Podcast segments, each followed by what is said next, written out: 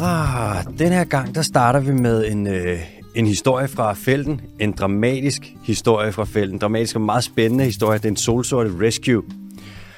Og så øh, introducerer vi et nyt segment. Igen, noget, der aldrig nogensinde er gjort før i en podcast. Og øh, jeg glæder mig til at se, hvad det her det bliver til. Så kommer nyhederne. Vi skal snakke om ar på spækhugger. Vi skal snakke om sus i Ukraine, hvor der er lidt problemer for tiden. Så skal vi snakke om koffein, og hvordan at der efterhånden er rigtig meget koffein, der faktisk kommer ud i havet, fordi vi drikker øh, en masse kaffe. Så skal vi lige ind og vende på øh, Namibias elefanter. Namibia har begyndt at sælge deres elefanter, selvom de ikke må, og hvad i alverden sker der for det? Så skal vi snakke lidt om kakelakker, cockroaches, og hvordan de bliver resistente over for gift. Så er der hurtige nyheder, så er der El Quizo Bondo, ikke sandt, Bondo? Jo, jo, jo, jo. Og så kommer der spørgsmål fra lytterne. Velkommen til den dyreste Teams podcast. Jeg hedder Alexander Holm, jeg sidder her sammen med Mathias Bondo, Kim, MBK. Han er til stede. Det her, det er afsnit 44, hvor det bare er os, der sidder. Altså hvis vi fraregner afsnittene med gæster, så er det her det 44. 20. afsnit, hvor vi to sidder her. Det er sådan lidt et, det er lidt et jubilæum. Nej. Nej, ikke rigtigt. Det er meget sådan, det er jo et lige tal. Det er ikke rigtigt et primtal. Det er ikke rigtigt et rundt tal. Det er bare et 44-tal. Tallets udgave er en dobbeltkonsonant. Det er rigtigt. Og det er der, vi er nu. 44 afsnit, mand. 44 afsnit. mand. 44 gange, vi har dækket nyhederne fra den grønne frontlinje. Og vi har, vi har jo skubbet til en masse ting. Altså, verden er jo blevet bedre. Det er den. Der er mange, der skriver ind og spørger om, øh, med no, ind til nogle nyheder, og er sådan noget, åh, hvad er den der nyhed der? Hvad afsnit var det nu, det var? Og hver eneste gang, der er sådan, det kan jeg overhovedet ikke huske. Vi har, nu har vi jo dækket Nej. cirka, hvad er det, mellem 8 og 10 nyheder per afsnit, ikke? Og så fire, altså, vi er oppe over 400 forskellige nyheder, som vi har dækket. Jeg skulle have taget nogle noter. Nej, men der er der, øh, der, er der beskrivelserne på afsnittet. Det er Der kan man da lige gå ind og, og, og tjekke, Mm. True. hvis der er noget, man leder efter. Hvis der er noget, man lige er ude og ja, gerne vil genfinde. Jeg kan mærke, at jeg er slået lidt ud af, lidt ud af kurs, fordi vi ikke har vores høretelefoner på. Det, det synes jeg jo er lidt mærkeligt. Skal vi lige snakke om det hurtigt? Skal vi det? Er du nervøs for, at lyden den ikke Der er støj på linjen, tror jeg. Tror du, der er støj på linjen? Det håber jeg. Eller det håber jeg ikke, hedder det. Vi kan jo ikke. Vi har jo, vi har jo testet. Vi, må, vi kan jo ikke gøre så meget andet end bare optage, Nej. Så kryds fingre, håb på det bedste. bær over med os, hvis at, øh, der er lidt dårlig lyd i dag. Ja. Der er ikke så meget, vi kan gøre ved det. Når vi starter med øh, en dramatisk historie, der er fra felten. Hold da op. Jeg fik øh, her forleden en besked fra øh, en af vores lyttere, Nicolas Okoti, som skriver ind, at øh, han havde fundet en solsort unge, og øh, med en brækket vinge, eller hans søster havde fundet en. Og så gik de ellers i gang med en solsorte rescue. Her er, øh, her er den første besked, han sender. Det er lige til Disney Plus, det her. Ej, lover dig, dude, hold fast i bordet. Det her, det er dramatisk as. Det er sådan noget James Bond-action. Ah, ah, next level. The Great Sun Black Rescue. Ja, præcis. og den har også fået et navn, den er lille Sun Black, men det kommer. Oh, Så her er beskeden. Så, vi har en helt god historie til jer, og et lille spørgsmål, der følger med. Historien først. Min lille søster skrev i lørdags, at hun havde set en fugl med en brækket vinge. Søndag tog mig og min ven ud og fandt en lille fugl, og ved nærmere eftersyn så det ud til, at en kat havde fat i den og fået de fleste vingefjer og halefjer med i forsøget. fuck katte. Mm, ja, i hvert fald i det her tilfælde. Men det var en lille fighter, så hun undslap. Anyways, vi har købt et fuglebur nu og passer godt på hende, indtil fjerne er vokset ud igen, og hun kan blive sluppet fri. Så har I nogen råd til, hvordan man bedst rehabiliterer sådan en lille solsort og sørger for, at den kan komme ud i naturen igen? Øhm, Den skal vel have noget fjerbalsam, eller et eller andet? ja, give noget fjerbal som noget kærlighed, Mm. lidt øh, noget mad, nogle, lidt melorm, lidt forskellige, og så øh, Melorm. Melorm. Melorm. Melorm. Melorm. Malon. Malon. Og så have i mente, at det godt kan være, at den dør. Altså, fugleunger, de stresser, og når de stresser, og de ikke spiser, og de er små og skrøbelige og alting, og bare gerne vil sidde i redden, så er det ikke altid, de Han klarer har også fået en ordentlig en på opleveren. Ja, den har fået en, man kan sige, den har fået en kat over nakken, du. Ja. Nå, jeg skriver så, jeg spørger tilbage, jeg øh, skriver tilbage, jeg spørger, om den spiser, om den er ok, og så får jeg det her svar. Den spiser så fint, hopper rundt og synger og det hele. Lidt genert og observant, når man kommer lidt for tæt på. Men altså, det er vel kun godt, hun ikke bliver for tam og menneskevandt. Og vi har kaldt hende Little Lacoste Sun Black, fordi vi redde hende i en, en Lacoste godtøjsæske, og fordi hun er en solsort. kan vi vide, hvordan de ved, at det er en hund? Ja, det ved jeg ikke. Det er det være. ikke bare at mærke efter testiklerne? Jo, det kan det godt være. Den er selvfølgelig også, jeg ved ikke, når de bliver voksne, så Hvordan kender man egentlig forskel på hanfugle og hundfugle? det svinger fra art til art, men nogle, Nå. mange fugle, så øh, er de identiske. Papegøjer for eksempel, de er særlig arer, der kan du ikke se forskel. Ja, fordi jeg har jo aldrig kommet gående ned igennem strøget på København og tænkt, det var sgu da en mandedue. Nej, nej, det er rigtigt. Det var sgu da en damedue. Og så er der andre fugle, sådan noget andefugle for eksempel. Der plejer det at være lidt nemmere, ikke? Tænk på grønner. Så han har et grønt hoved og sådan en grå krop, og hun er bare helt brun med sådan en lille lille ting på vingen. Eller tænk på høns og haner. Svinger det også meget, ikke? Åh, men der er jo, der er jo forskel. Ja, Præcis. Der kan på fjerne. Ja. Men så er der bare mange fugle, hvor de bare er nærmest fuld... Altså, And a sunblack is one of them. Præcis. Og klunkerne, de er svære at se på fugle, fordi de sidder sådan inde i armhulen. Så det er ikke sådan noget med, at den lige hænger ned. Hvad for noget? Det kan du ikke bare sige så henkastet. Jo, det kan jeg gøre præcis, som det passer mig. Sidder Right deres testikler i armhulen. Sådan lidt op omkring armhulen, i hvert fald Ej, på så gør det haner. pisse ondt, når de skal lave de der pruttelyde under armhulen. Helt overdrevet, derfor fugle aldrig gør det. Au, au, au, au, er, der er pres på klukker det. Nå, Hvordan går det med Lacoste Sunblack? ja, men det kommer, det kommer. Jeg spørger så om Lacoste Sunblack øh, stadig er i live, og siger, at i så fald, så vil vi lige bringe det i podcasten. Fordi det er jo en glædelig nyhed. Det er jo danske, det er lokale nyheder, det er økologisk. Og svaret er... Det er fra jord til bord. Det er fra jord til bord. Svaret er, hun er i bedste velgående. Hun er hos mig, men min ven Frederik, parentes, anden halvdel af rescue-teamet, har ekstra nøglen og tjekker op på hende en gang imellem, når jeg ikke er hjemme. Det er en regulær nødpatruljehistorie, det her. Ah, Jeg vil sige, det der, det er bare smukt. Tak til Frederik, tak til Nikolas, tak til uh, Nikolas søster, der også øh, Øh, send lige et billede af Little Sunblack, og så kan vi smide det op på de øh, sociale medier. Der er sendt billeder og video. Er der det? Ja, det kunne være, at jeg skulle lave en lille kompilation. Det synes jeg, du skal gøre. Der er er masser. sammenklip. Ja, og det er quality material, og huha, altså heldig solsort. Kan man, øh, kan man egentlig kan man tæmme dem? Altså sådan, Ja, jeg tror det. hvis, hvis, du, hvis du opdrager dem godt fra start. Jeg tror, de kan vendes til uh, tilvendens mennesker. Jeg ved ikke, hvor tamme de kan blive, men jeg tror sagtens, de kan... Jo, det tror jeg godt, du kan. Hvis du har dem fra små. Så hvis man har dem i nogle generationer, og du forædler, så du tager dem, der er mest tamme, dem, der er mest tamme, dem, der er mest tamme, så kan du få en rigtig, nogle rigtig temværdige fugle, ikke? Temværdige. Temværdige. Mm-hmm. Men generelt så vilde dyr. Man, det plejer ikke at være umuligt at dem. Man skal bare have dem fra de helt små, så vender de sig bare til mennesker, ikke? De kan blive relativt store, sådan en Sunblack, kan de ikke? Ah, 100 125-150 gram, tror jeg. Ja. Det er ikke så stort. Nå, okay. Så nej, De ser rigtig søde ud.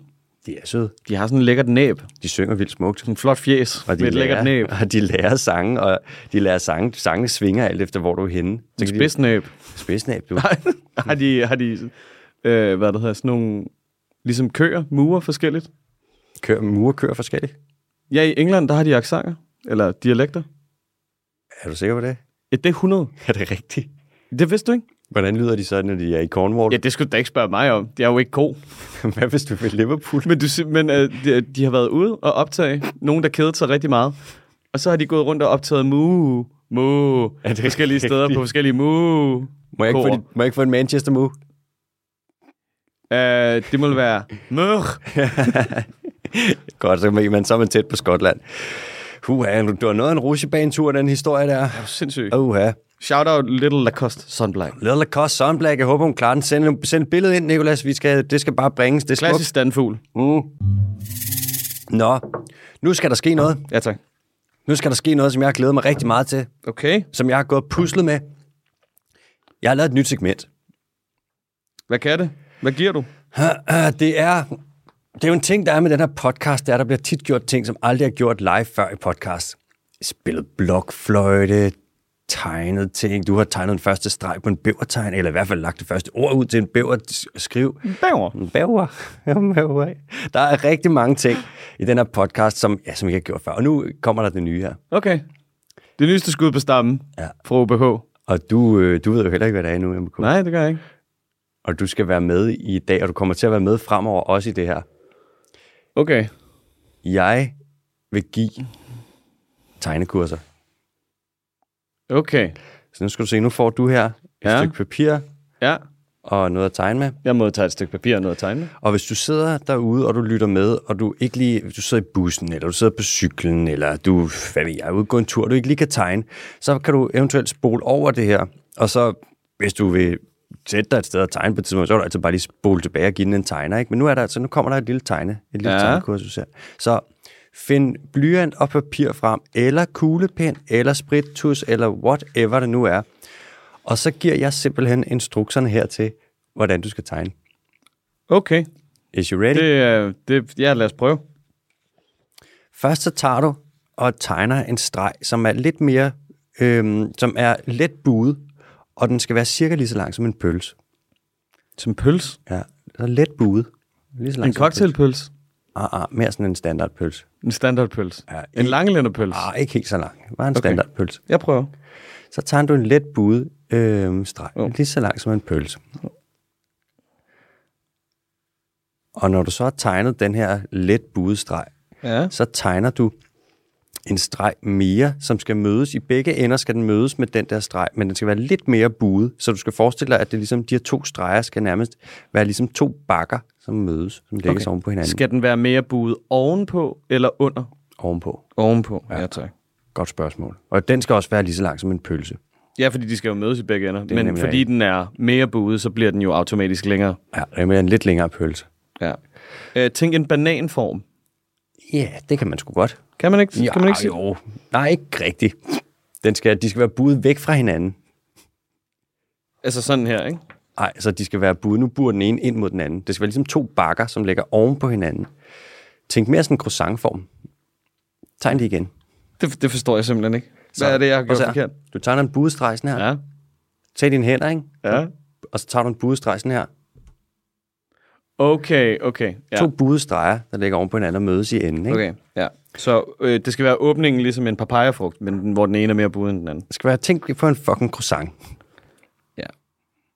Okay, så jeg skal tegne herunder, men den skal være mere buet, ikke? Sådan her. Yes, præcis. Ja, som et øje. ja. Bare diagonalt, ikke? Tegn det nu bare. Ja. I den ene ende, hvor de mødes, der, så skal du tegne en lille vifte. Ja. Så tegner du en lille vifte i den ene ende. Ja. Og i den anden ende, hvor de mødes, så tegner du en Ej, lille, hvor er det dumt, det. så tegner du en lille snude. Ja, en snude. Hvordan tager man en snude? Jamen, det må du da prøve. Okay, så bliver det sådan her. Og så tegner du et sødt øje, et rigtig sødt øje. Lige ved siden af snuden? Ja, lige bag snuden der. Okay.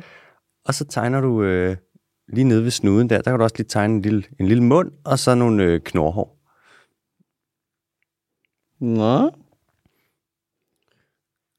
Hvad har man der? Og så i den ende der, der er nede i, i lad os kalde det hovedenden der, så går mm. du lige lidt ind på kroppen, altså lidt længere, sådan cirka en tredjedel ind. Så går Ja. lige en tredjedel ind, Ja. og så tegner du en, øh, en luffe, Ja, en love. en luffe, men den sidder midt, sådan midt på kroppen. Så tegner ja. du en luffe, som ligesom går nedad ja. mod, øh, mod vifteenden der, ikke? Ja, ja. Og så, øh, hvis du er sådan lidt fancy, og du føler, at du lige skal vise dine tegneskills, du lige vil gå fuld Picasso, Bob Ross på den, så kan du tegne nogle skygger og noget, og ja, du kan også lægge farve på, hvis du ikke. Det kan du så ikke, en BK, fordi du har jo kun en, øh, En sort. en, sort, en sort tegner. Ja. Og så vil jeg sige, prøv lige at se der, mand. Voila. Well, well, isn't that just a, uh, a, a fed sal? Der har du din helt egen sæl. Du tegner en sil. Godt. Så tag, øh, når jeg har tegnet derude, så tag, og tag et billede af jeres tegning, og send det ind, og så deler vi det. Og det kan være, at vi udvælger en, øh, en vinder, og måske øh, at vedkommende ikke får noget, men alligevel bare bliver udvalgt som vinder. Hvad ved jeg, altså, Altså, det kan være, at vedkommende får lov til at beholde sin egen rigtig, rigtig flotte tegning sal. Ja. Og tag de her tegninger, og gem dem.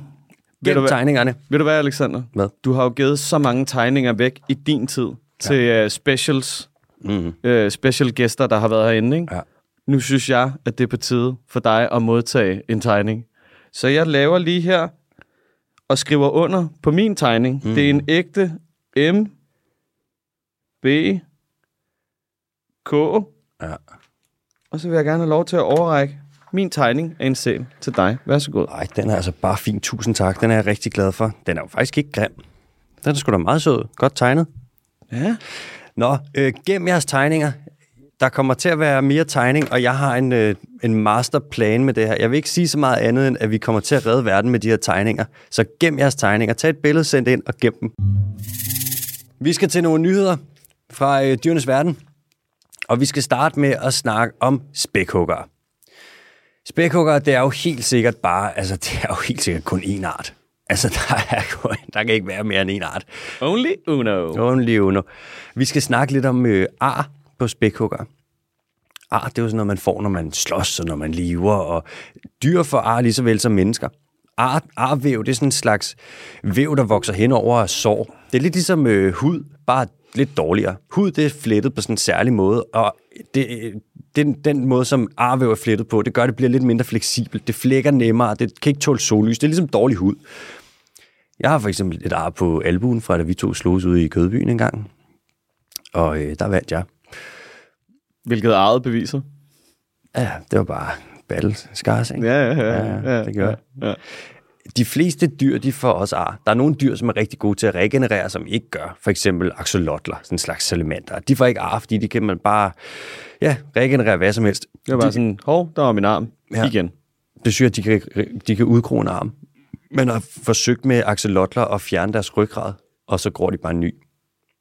Altså, de er next fucking level, og man vil Altså, det er, jo, det er jo sådan en trick, jeg ville ønske, at nogle af mine venner, de kunne øh, gro en ryggrad. en ryggrad. Ja, kom nu. det sjove med axolotler er jo, at man vil gerne forske i det og finde ud af, sådan, hvordan kan vi bruge det her til mennesker og regenerere. Det er jo sådan en hellig gral, ikke? Mm. Men øh, de axolotler, man har i fangenskab, de er tonser indavlet, og øh, den er uddød i naturen. Så man har kun axolotler i fangenskab med ret sådan lidt lortede gener. Det er sgu da smart. Ja, det er totalt, det er så dumt. Ja. Man skulle have ventet bare lidt med at udrydde dem. Men livets elixir, bare lige husk at pisse i det først. Ja, værsgo. kan vi oprense det? Ah, ah, Ah, ah. ikke noget at gøre her. Men kan vi så ikke bare lave det der trick, som man gjorde på et tidspunkt? Var det, ikke? det er sådan noget med, at den begynder... Der er sådan en naturlig adskillelsesproces for indavl og sådan noget, hvis man lader dem avle nok på sig selv eller sådan noget. Nå jo, Men der tror jeg bare, at problemet er med axolotler, at de er så gode til at regenerere, og de er så gode til at klare sig igennem sygdomme og den slags, at de ikke så nemt bliver indavlet nok til at blive udavlet. De kan simpelthen bare indavle sig ind helt af helvedes til, fordi de, Og de, så de er sådan meget stabilt indavlet i rigtig lang tid. ja, de fikser bare alt. Perfekt. Og hvis de får kraft, hvilket der jo også ofte sker, hvis man bliver indavlet, eller kan ske i hvert fald, så øh, det kan de sgu også lige regenerere sig ud af. Ej, hvor røvet. Ja, så det, der står man lidt i en tricky situation. Nå, men hvis vi kigger på spækhugger, så kan man jo finde ud af, hvis man kigger på deres ar, så kan man finde lidt ud af, øh, hvad de har haft gang i. Det afslører noget om deres historie. Nu har man kigget på en gruppe spækhugger op ved Nordamerika, øh, som man har taget billeder af hen over en periode på 38 år. Så har du taget, når de svømmer rundt der, så tager du lige nogle billeder af deres finner, og så kan du se lidt af deres krop og nogle mønstre og noget, og så kan man kigge på de ar, som de har, øh, som ofte er bidemærker. Og så kan man jo se på det, hvornår de har været mest aggressive over for hinanden. Hvornår de har slåsset allermest. Det er sådan, at når spækhugger de slåsser, så... Øh, altså, de har en ret stor mund, og de har nogle ret hissige tænder, så det giver altså lige lidt ar der, ikke? Så kan man kigge på de her ar, som er på de her spækhugger, hen over den her periode på 38 år, og så kan man se, hænger de her, er der kommer der flere ar i forbindelse med nogle bestemte ting? Er der nogle faktorer, der påvirker, hvor mange ar, der ligesom kommer? Har det noget med temperatur at gøre? Har det noget med, om demokraterne eller republikanerne vandt valget? Eller hænger det sammen med, hvad ved jeg, om Poul Nyrup har haft en god dag? Altså, hvad, hvad er det, der afgør det her? Og man har Der fundet er ud af... mange ting, der afhænger af, om Poul Nyrup har haft en god dag. Men det, på et tidspunkt, der var det jo hele Danmarks øh, velbefindende, der afhængig af det jo. Dengang han var Stato Ministro. God gamle. Jeg skal lære lidt mere danish water. Ja, tak. Nu har man fundet ud af, at en ting, som øh, har indvirkning på, hvor mange ar de får, det er laks. It's a lax. The laks. Deres primære fødekilde. Salmonen. Salmonahage. Den her del af Nordamerika, der er det deres primære fødekilde. Og man kan se, at hvis der er mange laks et år, så får de faktisk flere ar, end hvis der er få laks. Hvorfor det? Præcis. Det giver ikke nogen mening. Man skulle tro, hvis der var få laks, så skulle de jo slås mere om dem, og så ville de jo få flere sår. Precisely. Men når der er mange laks, så er der rigtig mange spækhugger, som samles, og så er der mange flokke, som ligesom bliver blandet sammen der, og de er sådan, der er en masse miskmask, og så kommer der bare en masse slåskamp. Det er ligesom en fætter kusinefest, hvor at, øh, man ikke har set hinanden i lang tid. ja, det er Ligesom... ligesom... Sådan, har. Hyggeligt at se dig igen, Dennis. ja, det er ligesom, hvis vi tog til halvbal i Gilleleje, og var sådan noget, Åh oh, nej. åh oh, nej, ja, det altså, ville gå galt. Jeg vil komme ud med et brækket øjenæble inden for fem minutter, tror jeg. Det tror jeg virkelig også. Så altså, når der er mange flokker, der møder hinanden, så er der en masse ballade, og så er der slåskamp. Og der er også det med, hvis der er meget laks, så er der jo masser af mad, så får de meget energi. Og når, der, når man har meget energi, så kan man jo også slås en masse. Så, øhm, Apropos kødbyen. Apropos fucking god kødby, vi- der var sat med meget energi den aften, vi var oppe slås. Altså, vi var nogle spækhugger, og der var mange laks den aften. Og jeg var og væltede. Jeg kan huske det der, vi bare ligger og roder rundt. Jeg havde Birkenstock på. Bare på asfalten, op med mester og lærling, og folk kigger bare sådan, hvad fuck laver I? Bare sådan, "Åh, de er bare, bare to langhårede hombres, der bare ligger. Ja, det var ikke godt. Det lignede, det lignede tilnærmelsesvis en hate crime et kort øjeblik. Åh, oh, shit, mand. Ja, men det var fandme sjovt. Nå, man kan også se, at øh, det er unge hanner, der har flest ar. Det tyder lidt på, at det, ja, det er i hvert fald hos nogle af grupperne, der er det de unge hanner, der slår sig mest, og det er jo ikke så forskelligt fra hos os, vel? Nej. og man kan også se, at de her grupper af spækhugger, de opfører sig lidt forskelligt, men det er jo sådan, det er med spækhuggerne. Altså, det kan vi jo se. Der er jo kun én art. Ja. Men øh, den her ene art, den opfører sig bare vildt forskelligt, alt efter hvor den er henne, og det ene og det andet. Hvordan den ser ud, hvor stor den er, og hvad den spiser, og hvor den befinder sig. Præcis. Basically, altså du kunne, på et tidspunkt, der tror jeg, man har sådan noget, du har en bænkebider, og så har du en rev, og man er bare sådan, det er samme art. It's the same. Det er spækhugger. Det er også meget sjovt, det med, at vi tager en masse billeder af dem over vand, ikke? Så tager vi lige billeder, når de kommer op med deres Er det med fingre. dronen igen? Nej, det har det været med, bare med kamera. Nå. Men så ved at kigge på de her billeder over vand, så ved vi, hvordan de opfører sig under vand, fordi at the scar gives it away. Er du klar til næste? Ja. Vi skal til øh, Ukraine. Der er krig nu. Åh oh, nej. Det er lort. Det er lort både for mennesker og for dyr. Og en ting, der er, det er, hvad sker der egentlig med de zoologiske haver i et land, når der udbryder krig? Jeg tror, man skrider for dem. Ja, men faktisk så tyder det på, at, eller i Ukraine nu her i hvert fald, der er sgu dyrepassere, der bliver der øh, døgnet rundt og passer på dyrene. Det var da sødt af dem. Ja, der bliver virkelig gjort en, øh, en indsats. Der er blevet samlet ind fra EASA, det der European Association of Zoo and Aquaria. De har samlet ind, de har samlet 5 millioner kroner ind og sendt ned til øh, at passe på de her zoologiske haver. Ja. Det var faktisk min mor, der nævnte den her nyhed for mig. Tak, mor. Men, Shout out Syser. Shout out Tyser. Man har flyttet, nogle af dyrene, dem flytter man ret hurtigt. Tiger og løver, det er, dem er du ret hurtigt til at rykke ud. Og jeg tror lidt, det er fordi, hvis der Det er jo en- også guldkalven. Altså, Ja, det er det, og det er en guldkald, man helst ikke vil have ud på gaden. ja. Ikke? Jo, jo. Så det går rimelig hurtigt med at flytte dem. Og sådan, okay, afsted. Men det er fucking svært at flytte dyr. Tænk, hvis uh, vi skulle ud og flytte en giraf. Altså, det er ikke, fordi man bare lige tager sådan en silvantrailer, og så kører du ud og lige pakker den Det er ind. ikke bare en hyrdehund. Jo, men hvis du skal hyrde hunden den hele vejen til Polen. Nej, det er langt selvfølgelig. Ja. Hvad gør man så? Jamen, man... Øh, Du pakker dem bare ind i en stor 3x34. mm, Ukrainian edition. ja. og så pølser du dem bare til Det jo Polen. sådan noget, Hvad skal du flytte? Jamen, øh, jeg har to sofaer og en giraf. Så Det er en hjørnesofa. En, jeg, Beklager. jeg, jeg skal gerne høre, om I har en vogn, der er 6 meter høj. Mm. Det er sygt svært at flytte dyr, og dyr kan ikke lige at blive flyttet. Det stresser, Det er ligesom stueplanter. Ligesom stueplanter. Altså flyt en violinfin fem gange, og så har du ikke en violinfin mere. Lige præcis. Den imploderer. Vi kender det også selv. Jeg har da flyttet mange gange. Jeg synes, når man flytter, så de første to-tre uger efter man er flyttet, skal man lige lande. Skal man lige føle sig hjemme. Og det er lidt det samme med dyr, altså de stresser. Og når du så skal flytte dem rundt her i Ukraine, så er der også det med, at der er jo krig. Og det er efterhånden et lidt velkendt faktum desværre, at der bliver altså bare skudt på en masse civile biler i Ukraine nu. Der har været den der video, der har floreret med hende der, sådan en gammel dame, der prøver at flygte sammen med hendes mand, og så bliver der bare skudt ind i bilen, så får hun bare skudt tre fingre af den ene hånd. Nå. Sådan noget, shit, hvis du så kører en lille personbil, forestil dig, at du kommer med en kæmpe, altså en konvoj med dyr, som der bliver plukket på. Ja, nemmere at ramme. Er rimelig nemt at skyde en elefant. Ja. Svært at dræbe den, nemt at ramme den. Så altså, det er ikke nemt det her. Der bliver som sagt sendt støtte derned, og man prøver at få flyttet nogle af dyrene. Øh, men indtil videre, der er det bare super, en super drilsk situation, ikke? Det må være irriterende, hvis man flytter dem sådan i en triage-situation. Hvad betyder det? Jamen, det er det der med, at du ved, sådan, det er de mest presserende først. Du fjerner Ja. ja. tigerne for eksempel, og løverne først, fordi det er fucking nederen, hvis de slipper fri. Ja, ja. Så bliver det altså en, en, en super... Men prøv at forestille dig være ham, der bare står tilbage med æderkopper og bænkebidder. Ja. Ja. Det sidste ting, og bare står der. Bomberne falder rundt om ens hoved, og man er sådan, uh, jeg skulle bare passe på den her kakelak. Ja. Åh oh, nej, men det er jo en, det er en sjælden knæler. ja, det må være så ærgerligt. Bare Ja. ja. stå Midt inde i zoo, helt alene med en knæler. Ja, og være sådan noget, men jeg gør det for at dyr det. Ja.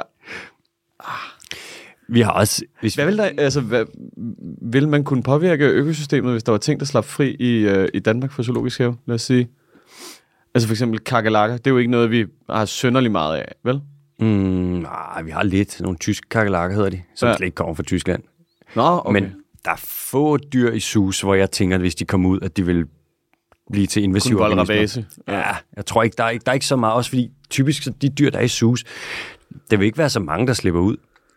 Så måske hvis der var sådan noget, en eller anden nogle gnæver eller noget, som formerer sig sygt hurtigt og kunne klare sig her, som Ja. havde sådan noget, ligesom kaniner i Australien, sådan en situation, ikke? Mm. Men Danmark er lidt et svært øh, sted, hvis du er et større dyr, altså bare sige en kanin for eksempel, og etablere dig, fordi øh, vi har lige knap 170.000 jæger, ikke?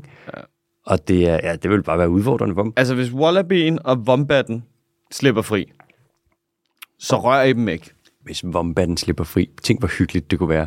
Bare små firkantede wombat-lorte rundt omkring. Ej, jeg vil elske det. Den er så sød, mand. Tænk, hvis man kunne komme ud og gå en lille tur i assistent, og så sådan, tænk, der er en lille Og så sad den bare hygget hen i hjørnet. så bare lavet firkantet lort. Lad os bombe København Zoo som Wombatten. Bomber Zoo! øh, man kan også, hvis vi kigger på London Zoo, altså under 2. verdenskrig, der blev London jo gennem fucking bumpet. Altså, London Zoo, da det skete, så gjorde man, det første man gjorde, det var at dræbe en masse af de giftige dyr. Øh, fordi hvis de slap ud, det ville simpelthen være et kæmpe, det ville bare være et problem. Skabe utryghed, ikke? Mm. Så flyttede man en række dyr til en anden zoo, altså elefanter, orangutanger, chimpanser og en strus, il strusso. Dem flyttede man, bare fordi, hvis de nu flygtede, så ville det ikke være så nice. Og så gjorde man det i London Zoo, at man broadcastede via radioen, at vi mangler altså mad herinde i Zoo, og hvis I gider gå ud og samle nogle ærn eller et eller andet, Ærn. ærn, så Til ærn. til ærn, så vil det være nice. Og folk kom i London Zoo under 2. verdenskrig, der kom de med et ton mad om ugen, som de havde samlet. Bare til de dyr, der var i Zoo. Jeg ved ikke, om man gør det samme i, øh, i Ukraine, men øh, Det er jo Det menneskeheden, når det er bedst, ikke? det er det, der, det Når der bomberne smukt. falder, så kan vi alligevel godt samle mad og ærn. Og ærn. Ej, det er sgu sødt. Ja, det er Det, er det. en lille, øh, det var en lille solstråle afslutning på den historie. Hvem det var det da? De små fine ting, der kan ske midt i en masse ikke så fine ting. Ja. Nu skal vi til noget andet. Øhm, vi skal snakke lidt om øh, kaffe. Gaffe. Kaffe og koffein.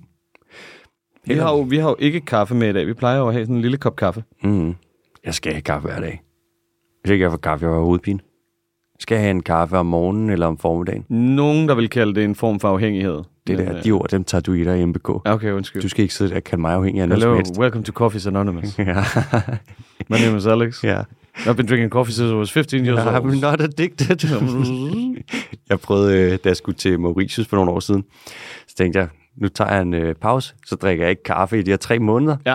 Og så når jeg kommer hjem, så er jeg bare, har jeg opbygget al min resistens over for koffein. Den er væk. Så jeg er bare klar, så jeg kan bare lugte til kaffe, og så med det samme, puff, så er jeg bare lysvågen. Ja. Tog jeg afsted. Jeg drak en kop kaffe, mens jeg var afsted. Lang historie. Men kommer jeg hjem, og er sådan, god damn, nu skal den her kaffe bare sparke røv på mig. Ja, ja. Drak en kop kaffe, og jeg kunne seriøst lige så godt bare drukke juice. Der skete ikke en skid.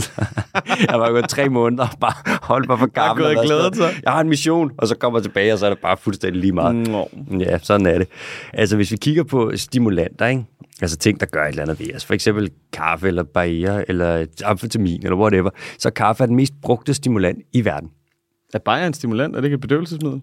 Øh, det er jo også en, en stimulant. Nå, okay. en, øh, alkohol. Der, er også, der går nogle rygter om, at kaffe det er det næsten mest handlede produkt i verden, Ja. næst efter olie, øh, og det er løgn. Det er straight up, det passer ikke. Nå. Starbucks, de har proklameret det ud og bare været sådan, det er det næsten mest handlede i verden. Overhovedet ikke. Altså, der er ton, jeg ved ikke, om det er på top 100. Er det, er, det, er det seriøst også noget, man gerne vil prale med? Jeg På en eller anden måde? Jeg tror, det for, at de så prøver de at understrege, hvor vigtig kaffe er. Nå, okay. Altså, Altså, ja, i det stedet så for, at øh, hvor klimaskadeligt det er. For eksempel. Ja. Så er det sådan noget, det er så vigtigt, så er det det næsten mest handlede i hele verden, for ingen kan undvære det, og vi har det. Ja. Starbucks har det. Så man sådan, hvorfor er der i en kaffebæks? Hvorfor har I egentlig så et logo med sådan en blæksprut kvinde? så er de sådan noget, hold kæft, det er det næsten mest handlede i verden. Stop, kom og køb. Nå, ja. der bliver drukket sindssygt meget kaffe på global plan. Og en del af den koffein, der er i kaffen, den bliver udledt. Omkring 5% af den koffein, der er, den optager vi ikke, og så kommer den bare igennem vores system, og så tisser vi den ud. Og meget af den her koffein, den ender så i had.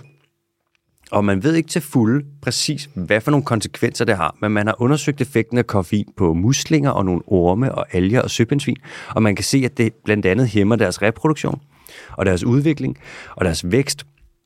Og det er jo ikke så godt. Og det er det ikke sådan noget, det betyder ikke, at alle verdens have bare er totalt overforurenet af kaffe, fordi vi bare sidder og skal have vores latte.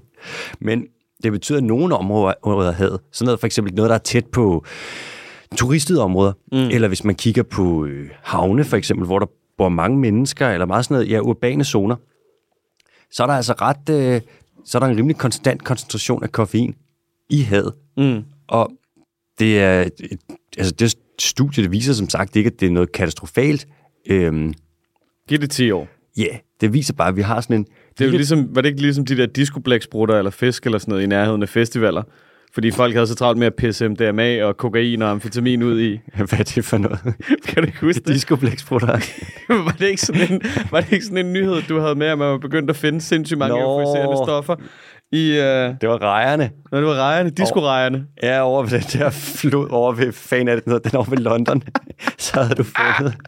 Jeg kan ikke huske, hvor meget det var. Jeg tror, det var nærmest samtlige rejer, du havde fundet, de havde rester af kokain i sig. Ja, ja. Det var cocaine shrimp. Altså, du Cocaine bare shrimp. grind dem op, og så bare putte dem i nogle poser. Er og det, derfor, man, er det derfor, at der er nogen, der kalder øh, kokain for en rejmad? Det kan sgu da godt være. jeg synes, det er så vildt. Så skal man, der skal satme også smække på. Er du gal, mand? Hvis der kommer så meget, og det var sådan noget 20 km ude af London, hvor der bare var stadig var coke i vandet. Fuck, de er gået til den, mand. Ja. Der har været festival, så det ved noget. Nå, altså det er jo ikke, det er ikke en katastrofal effekt, koffeinen har på havmiljøet, men det er stadig bare sådan en lidt konstant effekt, sådan en underlig mennesketing, som er sådan noget, Nå, hvis der er mennesker i en by her, så den her havn, der kommer til at være lidt koffein i vandet.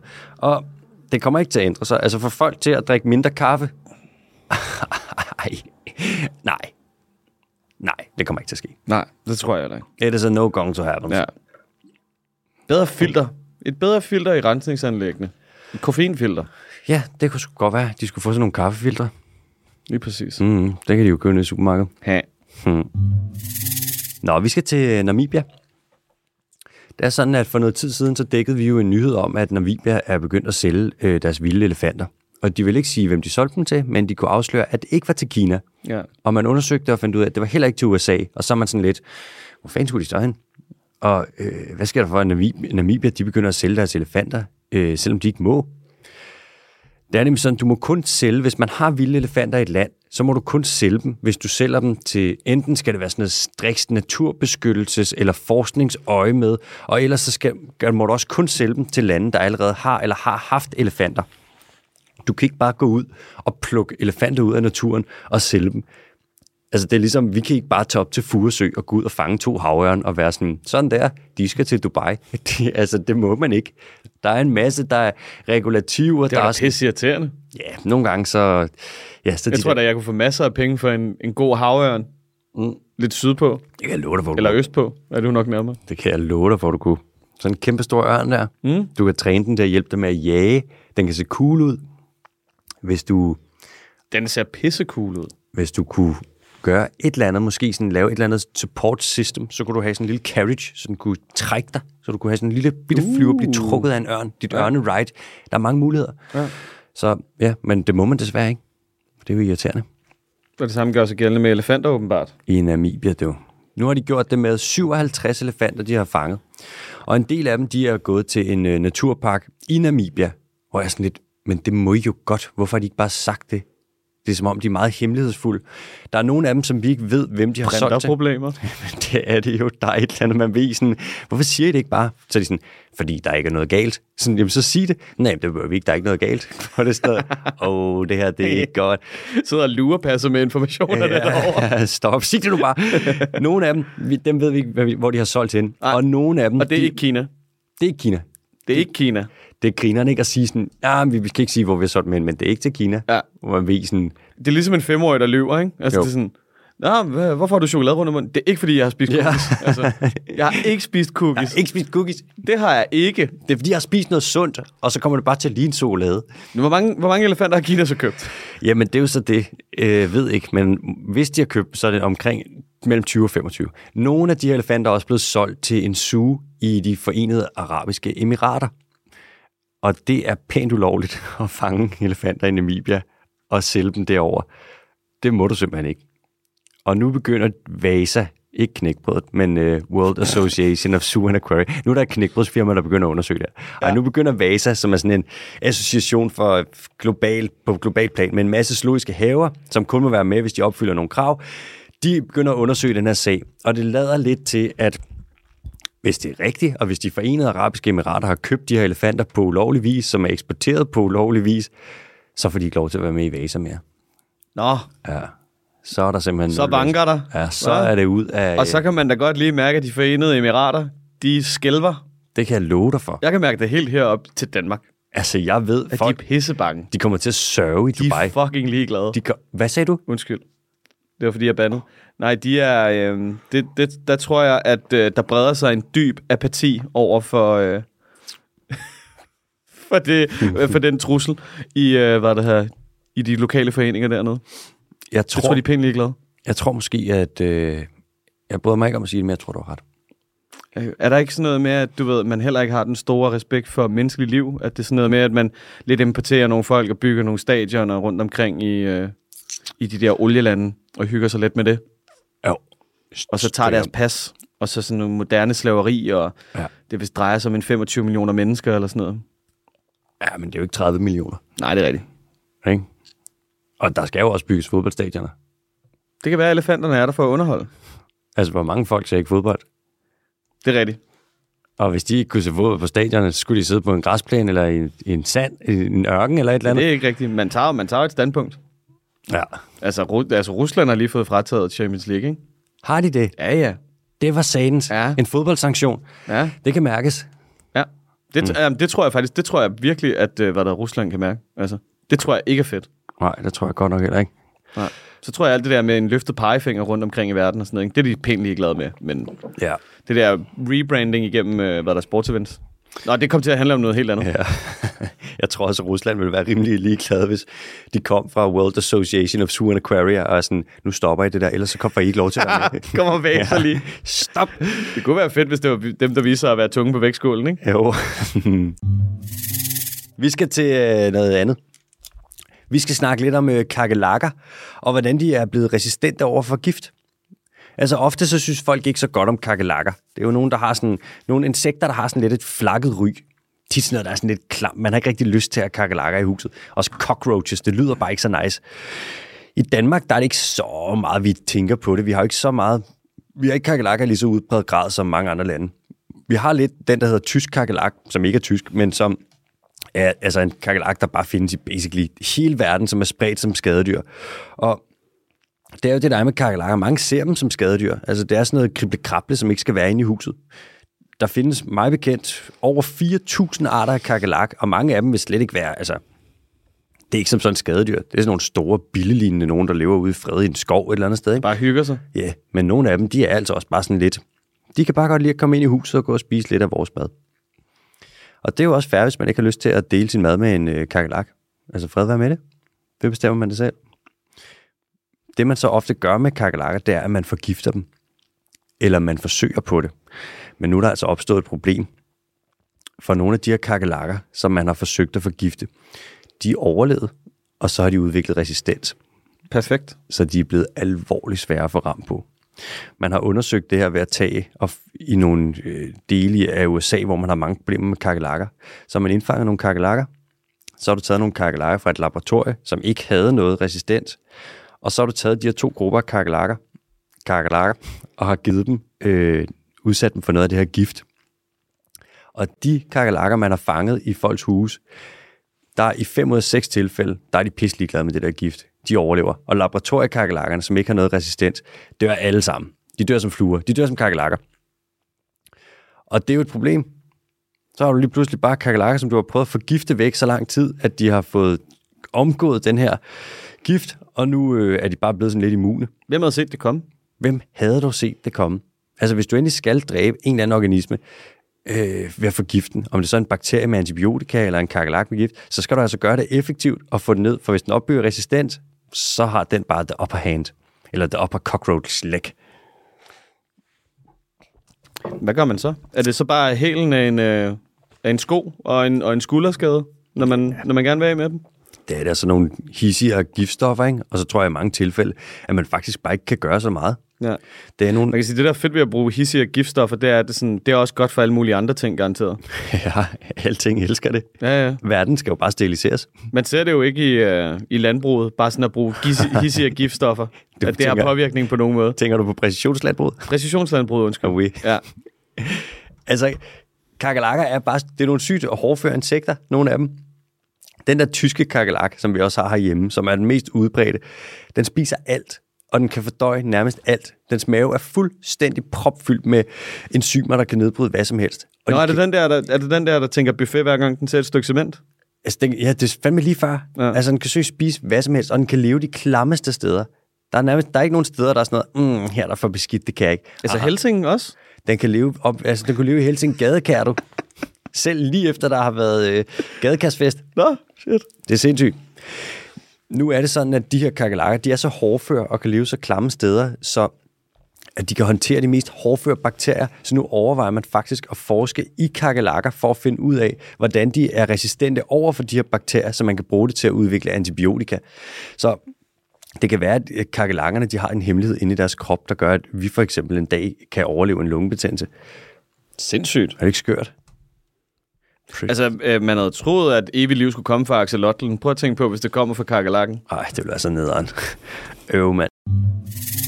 Skal vi til nogle hurtige nyheder? Vi skal til nogle hurtige.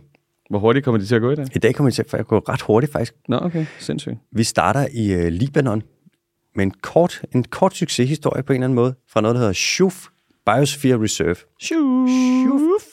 Det er en... Øh, det er et sted, det er et naturområde, som man har beskyttet og haft beskyttet i mange år, og har haft kæmpe problemer med at skulle passe på. Også særligt i Libanon nu, hvor de sådan økonomiske kriser og alting, de er virkelig, specielt efter eksplosionen i Beirut og alt det der, fuck, Ja. de er presset, mand. Men det her Biosphere Reserve her, Shuf, det plejede man altså at beskytte med, øh, med landminer og med shotguns, og det var totalt old school militærbeskyttelse. Så Men... mener man det. Ja, er du gal, mand. Der var nogle, der er nogle sidertræer derinde, sådan nogle store, det ligner sådan en slags græntræer, som man gerne vil beskytte, og det gjorde man altså bare på den hissigste vis. Men nu øh, er landminerne væk, shotgunsen er væk, og det er bare blevet sådan en naturgenopretningssucceshistorie. Der er kommet nogle jobs derinde, man laver en lille smule af sådan lidt noget, planter lidt ting derinde, og har sådan en faktisk ret fin balance mellem nogle folk, der kommer ind, får lidt jobs, tjener lidt penge, og samtidig passer på naturen derinde. Og der er ikke nogen landminer mere, der er ikke nogen shotguns mere, og det er et land, der har været super presset, hvor så passer man lidt på naturen, og så til gengæld så nu passer naturen lidt på dem. Så det er en fin lille historie fra Libanon der. Jeg har en kammerat, der lige har været i Libanon. Er det Han rigtigt? siger, fantastisk folkefærd. De hygger sig bare. Godt forestille mig det. På trods af omstændighederne. De er med presset, ja. Den der økonomiske krise, de kom ud i, den er legendarisk. Ja, ja, han sagde, at øh, der var nogen, øh, han, han havde mødt dernede, der måske havde en, en opsparing på en, en million, whatever, som lige pludselig bare var blevet altså 4% værd i forhold til deres originalværdi og sådan noget. Nå, det er Fuldstændig vanvittigt. Jeg har hørt, det er den hårdeste økonomiske krise, der har ramt noget land siden 1850. Okay. Shit. Nå, hvad gør man, hvis der er en val, der strander på stranden? Mange steder så gør man det, at man øh, kører valen væk. Mange steder så begraver man den. Der har, en- der har været nogle steder, hvor at man har, øh, hvis de har været for store til lige at køre væk, så har man sprunget dem i stykker med dynamit.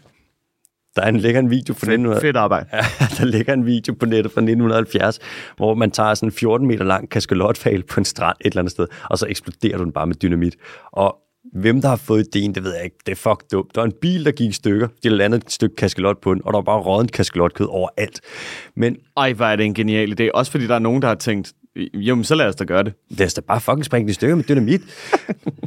det bedste at gøre, tyder ny forskning på, og det her det kommer måske lidt bag på os alle sammen, men det er faktisk at lade valen ligge.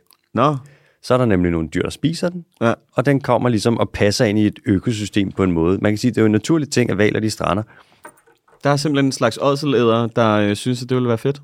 Jeg lover dig, mand. Måger, kalifornisk kondor, isbjørn, brunbjørn for den sags skyld, el wolfo, måske en fox.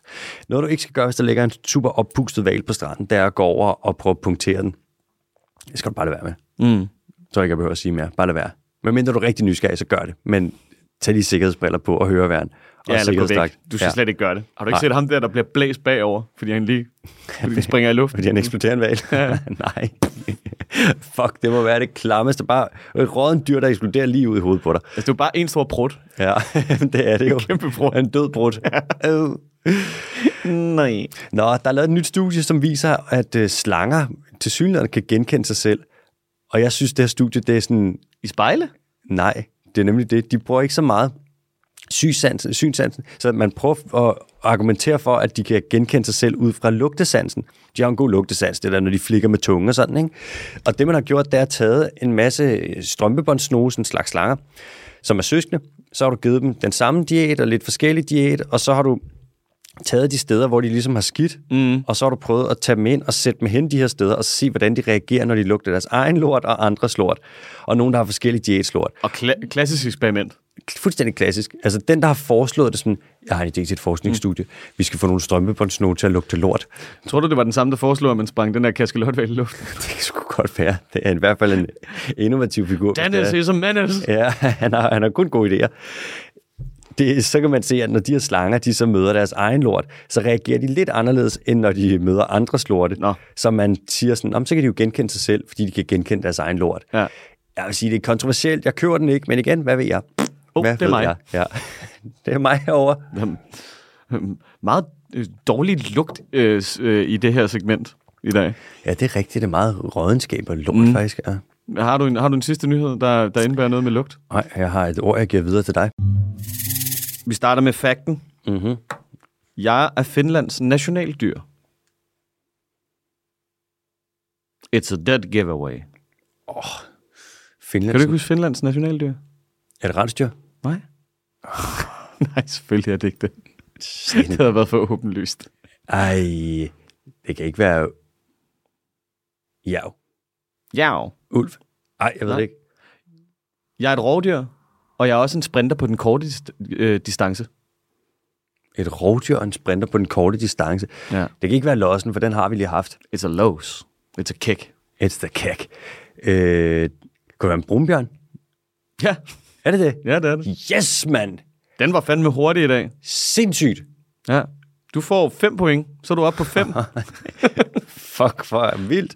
øhm, lidt mere om brunbjørnen. Den bliver ofte beskrevet som et nattedyr, men den er mest aktiv morgen og aften, mm-hmm. viser det sig. Jeg har aldrig hørt det beskrevet som et nattedyr. Altså, der er aldrig nogensinde... Men altså, Sådan er det. Ja, ja. Den har en øh, enorm stor hjerne og bruger øh, redskaber fra tid til anden. For eksempel så nogle gange så samler den øh, var der sten op med muslinger på og klør sig med det. Seriøst? Det er virkelig, virkelig underligt. Jeg så et billede af det. What? Nå, det vidste jeg ikke. Ja. Øh, den og dens bror er på vej til laksebuffeten. Der ville jeg godt kunne gætte den. Øhm, hvis tingene har været lidt frisky til en fætter kusinefest, så bliver afkommet kaldt en pisli eller en growlar. Men det er jo fordi, at de kan, lidt ligesom en tiger og, og løver kan, kan parre sig, så kan brunbjørne og Isbjørn. isbjørne også, Ja. eller hvad? Jo. Men det er også fordi, en isbjørn, det er basically bare en... Det plejede at være en brunbjørn, men så har han fået nogle tilpasninger, ikke? Men den, den er også større, er den? Og gennemsnitsstørrelsen, men de største ja. Bjørn, man har fundet, det er brunbjørn. Men en gennemsnitlig isbjørn er større end en gennemsnitlig brunbjørn. Men ikke længere, fordi nu sulter de jo, fordi de skal svømme enormt meget. Det er selvfølgelig rigtigt. Fordi der ikke er noget is ja. til isbjørnen. Ja, og det skal den jo bruge. Ja, det kan man jo sige. Ja. Det er jo nærmest en forudsætning i navnet. Ja, ellers ville det være en lille smule ved siden Det er af ikke målet. vel? Nej. Vi har, øh, jeg tog, nu var der jo lidt et spørgsmål i starten der med solsort-historien og alting, ikke? Så ja. Jeg har bare taget et enkelt spørgsmål med her. Og det Perfekt. er fra Sanne. Hun siger, OK, et fugle question til naturtype.